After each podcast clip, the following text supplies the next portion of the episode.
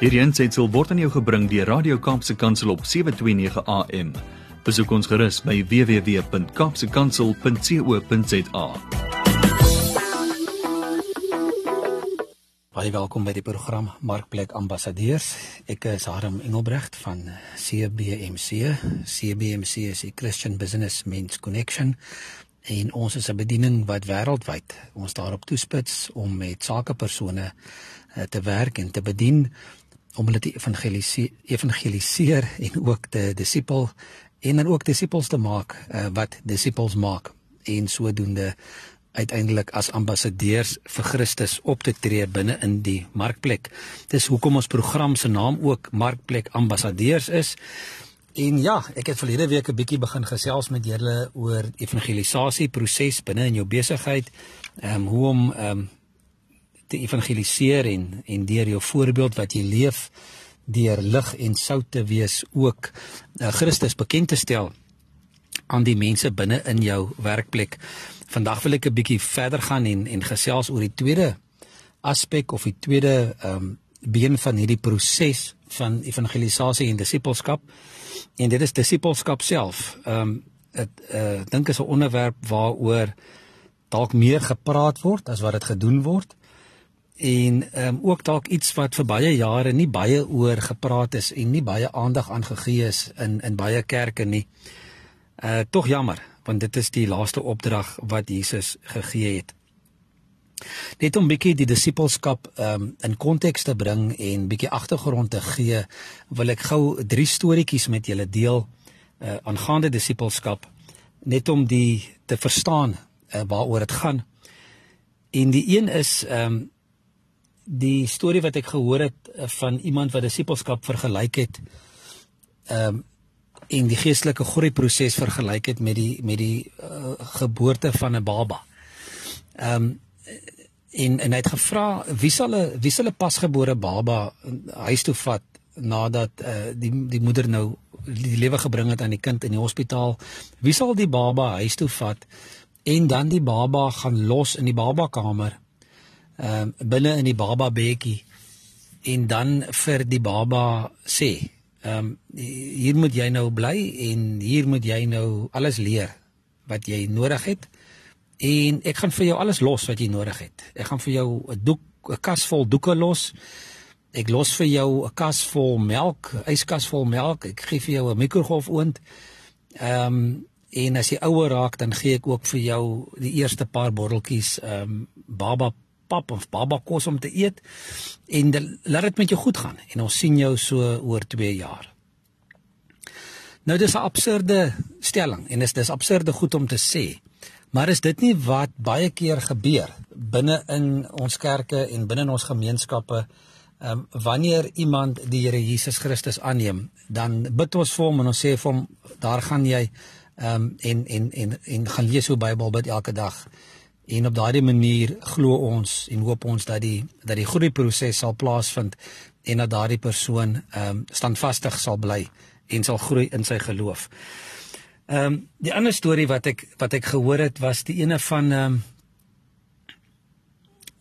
van die man wat vir sy vir sy dogter gesê het uh, sy 16-jarige tienerdogter dat sy ehm um, haar kamer moet aan die kant maak. En toe sy nou na 'n week dit nog nie gedoen het nie. Toe vra hy vir haar nou maar wat gaan dan nou aan? Ek het nou vir jou gevra maak jou kamer aan die kant. Toe sê sy vir hom nee pa, ek het ek het gedink oor hierdie saak. En ek dink dit is nie 'n slegte idee nie. Ek dink om jou kamer aan die kant te maak is dalk 'n goeie plan. Dit kan dalk voordele inhou. Maar ek gaan nie dadelik daarmee begin nie. Ek gaan eers bietjie hoor wat sê my vriendinne uh oor hierdie kwessie van om jou kamer aan die kant te maak. En hierdie dogter het toe nou vir die volgende 2 maande nog steeds niks gedoen nie en toe haar pa weer vir haar vra toe sê sy nee pa ek en drie van my vriendinne het nou 'n studiegroep begin en ons bestudeer nou bietjie hierdie onderwerp van maak jou kamer aan die kant. En die pa sê vir ja en wat het julle geleer? En sy kon toe vir haar pa verduidelik in al die verskillende tale wat jy aan kan dink, ehm um, die term maak jou kamer aan die kant. Wat dit beteken in Spaans en hoe dit klink in Frans en hoe dit in Duits is en tot in Hebreëus en in Grieks en al die tale kon sy vir hom sê hoe klink dit om jou kamer aan die kant te maak en wat behels dit om dit te doen. Maar 'n jaar later het sy nog steeds niks gedoen nie. Nog net daaroor gepraat, nog net met haar vriendinne dit bespreek.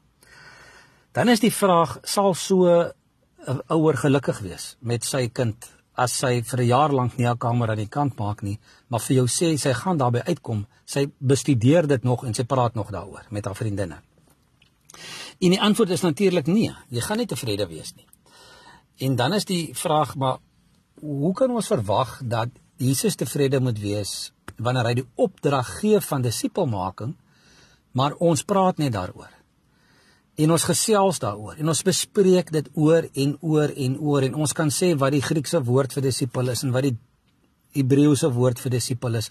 En ons kan sien watter konteks dit gesê is en ons kan baie verskonings uitdink en ons kan baie praat en ons kan baie Bybelstudie doen daaroor.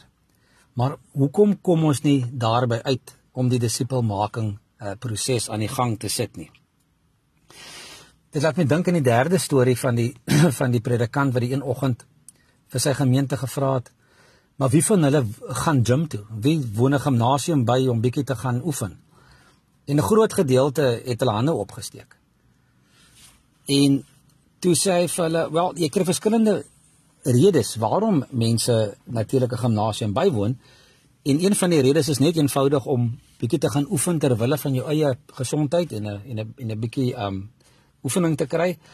Dan kan jy ook die mense kry wat die gimnasium bywoon en wat um daardeur uh, spiere bou en sterk raak uh, sodat hulle kan gaan deelneem aan kompetisies en vir ander mense kan wys hoe baie spiere hulle het en hoe goed hulle geoefen is. En dan kry jy ook die derde deel, die derde groep mense wat wat na die gimnasium toe gaan. En dit is hulle wat gaan oefen sodat hulle ander kan help. Dis die die brandweermanne, die lewensredders. die manne, mense wat daar op die strand diens doen in die somervakansie. Hulle gaan spesifiek om te gaan oefen om beter te kan swem, om sterker te word sodat hulle mense wat in die moeilikheid is kan help.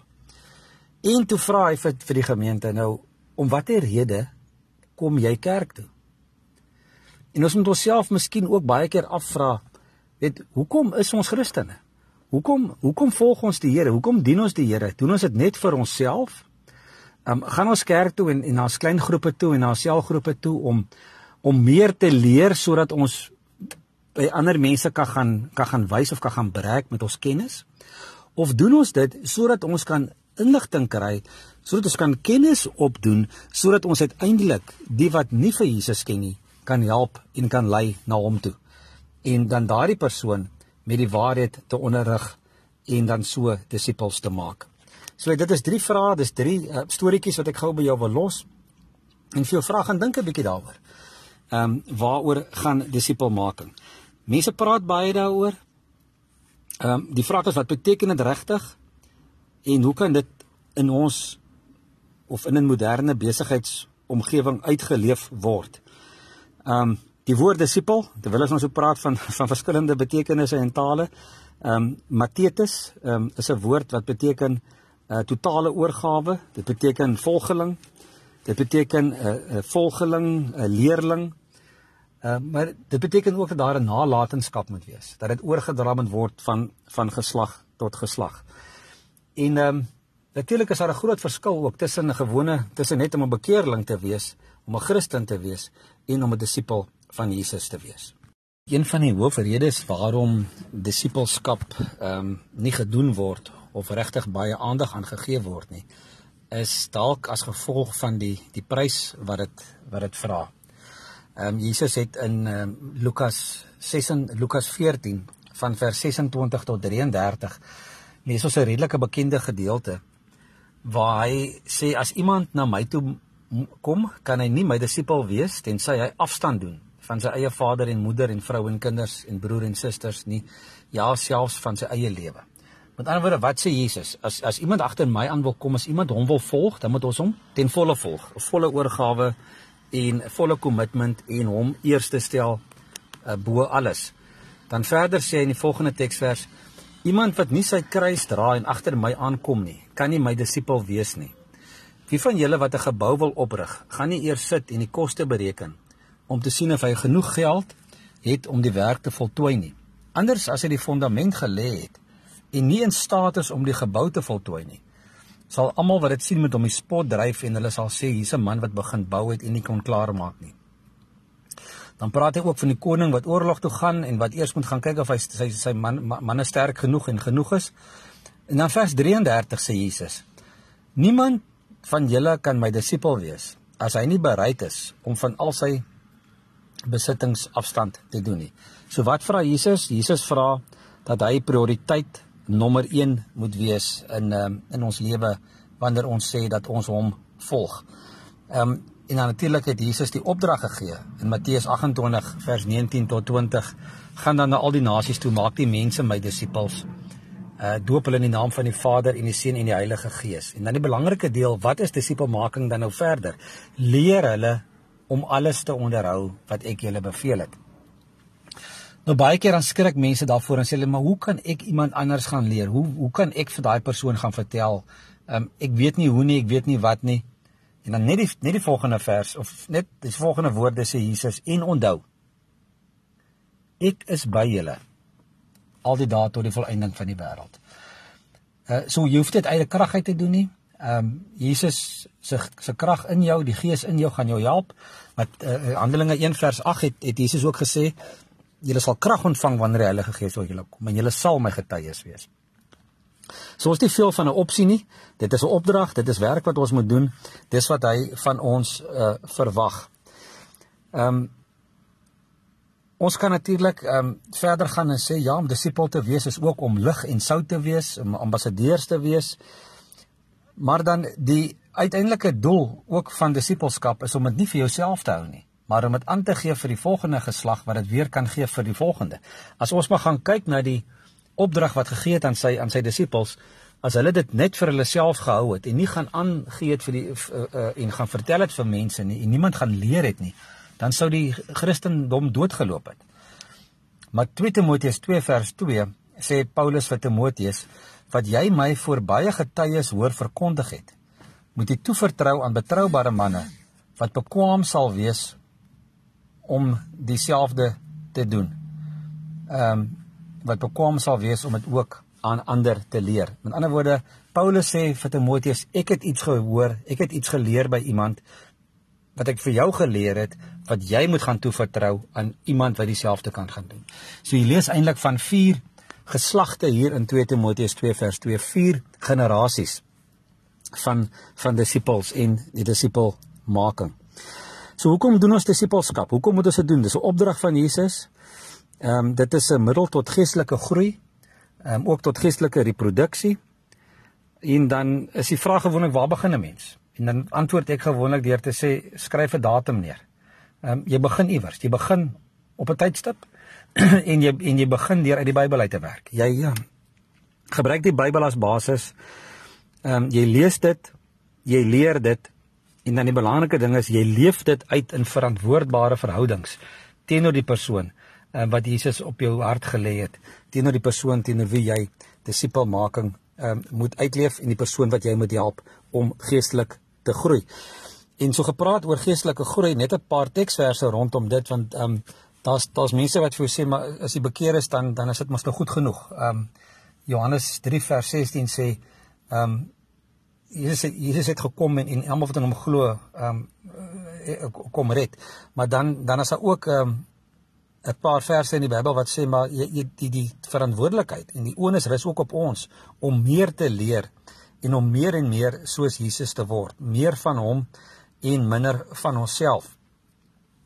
Kolossense uh, vers 27 sê die geheim van die boodskap is Christus is in julle. Hy is julle hoop op die heerlikheid. Hom verkondig ons deurdat ons alle mense met alle moontlike wysheid onderrig en leer sodat elke mens tot geestelike volwassenheid in Christus kan kom. En dan sê hy ook hy span hom in met die krag wat God gee wat in hom werk. So ons help mekaar om geestelik te groei en om geestelik ehm um, volwasse te word.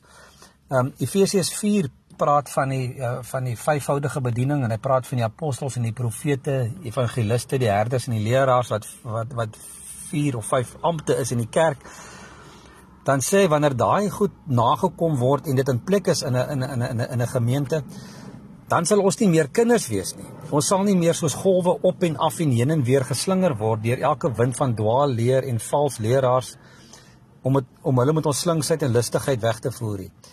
Hy sê nee, dan sal ons in liefde by die waarheid bly en so groei na Christus toe.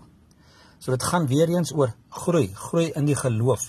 2 Petrus 3 vers 18 staan daar: Sorg dat jy steeds toeneem in die genade en die kennis van ons Here Jesus en Verlosser. Ehm um, aan hom behoort die heerlikheid nou tot in ewigheid. En so kan ek aangaan en en en vir jou 'n paar teksverse lees. Filippense 1 vers 9 tot 10 sê sê uh, Paulus byvoorbeeld ons bid dat julle liefde sal toeneem in begrip en fyn aanvoeling sodat julle sal kan onderskei waarop dit werklik aankom.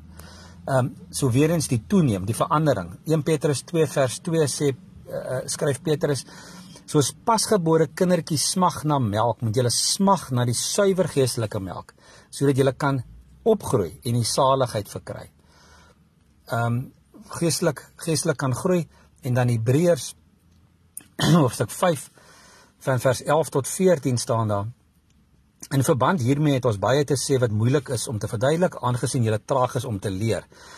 Teen hierdie tyd moes julle alself onderrig behoort te gegee het. Maar ehm um, julle het weer nodig dat iemand vir julle die grondwaarhede van die woord moet onderrig. 'n Mens moet julle met melk voed. Iemand wat nog van melk lewe kan nie saampraat oor dinge wat reg en verkeerd is nie, want hy is nog 'n kind.